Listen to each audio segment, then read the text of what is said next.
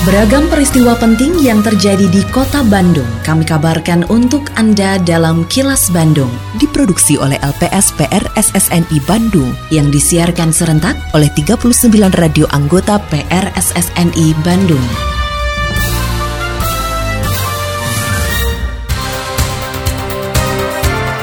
Sejumlah informasi aktual kami hadirkan untuk Anda dan inilah informasi utamanya. Kota Bandung siap jadi venue Piala Dunia U20. Reklame yang roboh di Jalan Soekarno-Hatta ternyata tidak berizin. Pasar Cimol Gede Bage kembali beroperasi. Saya, Santika Sari Sumantri, inilah kilas Bandung selengkapnya.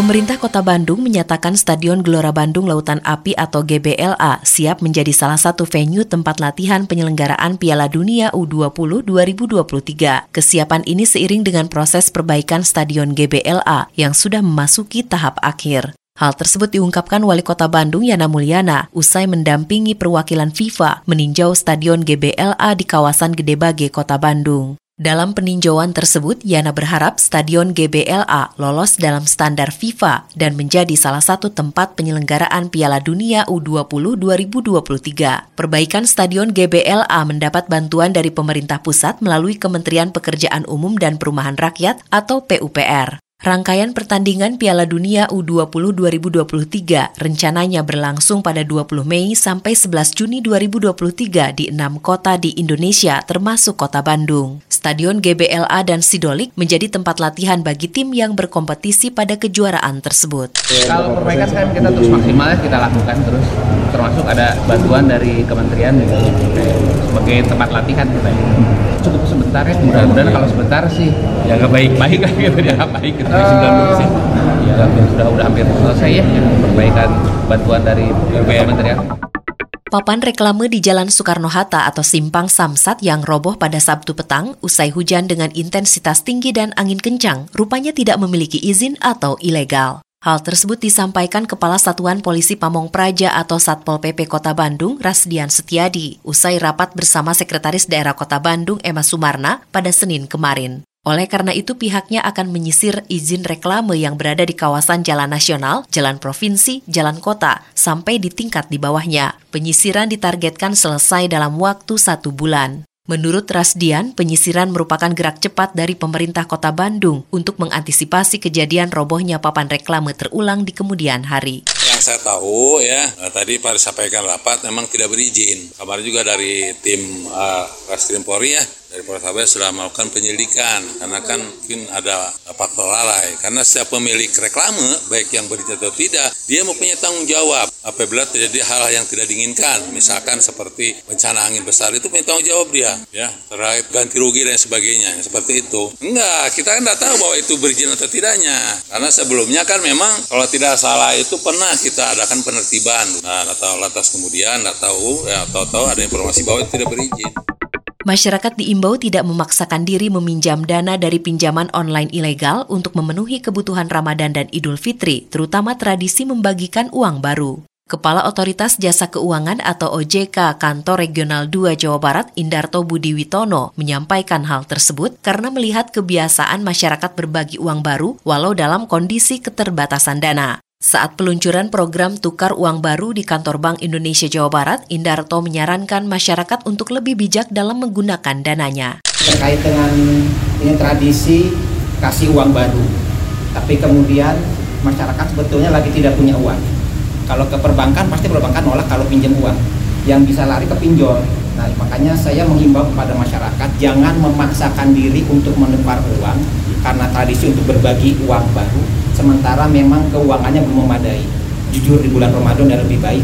Pasti mereka pun tidak mempermasalahkan. Jadi hati-hati di masa-masa seperti ini e, pinjol pasti akan terus secara apa terus e, giat untuk memprovokasi masyarakat untuk meminjam di pinjol terutama pinjol ilegal. Jadi berhati-hatilah dan bijaklah mengelola keuangan.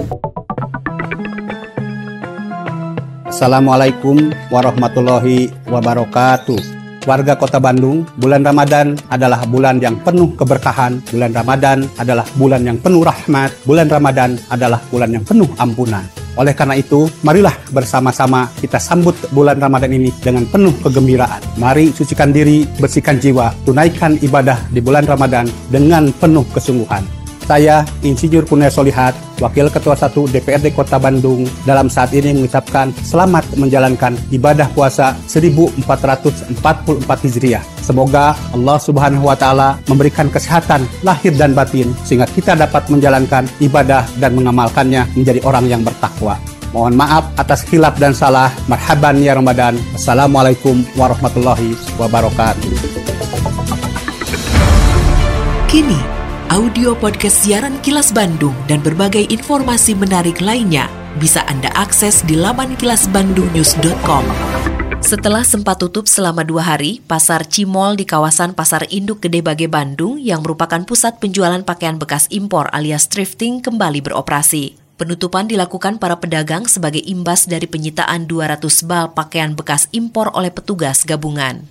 Kabid Humas Polda Jawa Barat, Komisaris Besar Polisi Ibrahim Tompo, membenarkan adanya penyitaan barang bekas impor yang dilakukan pada tanggal 21 Maret 2023. Menurutnya barang bukti yang disita sudah diserahkan kepada PPNS Kemenperindag untuk ditindaklanjuti. Sedangkan barang bukti kini dititipkan di Rumah Barang Sitaan Negara atau Rumbasa Bandung. Tim kita berkoordinasi dengan PPNS dari Perindak, kemudian melakukan penindakan terhadap barang-barang tersebut dan akhirnya di mana disita kurang lebih sekitar 200 bal pakaian bekas dan ini kemudian diserahkan kepada PPNS untuk melakukan uh, penyidikan selanjutnya.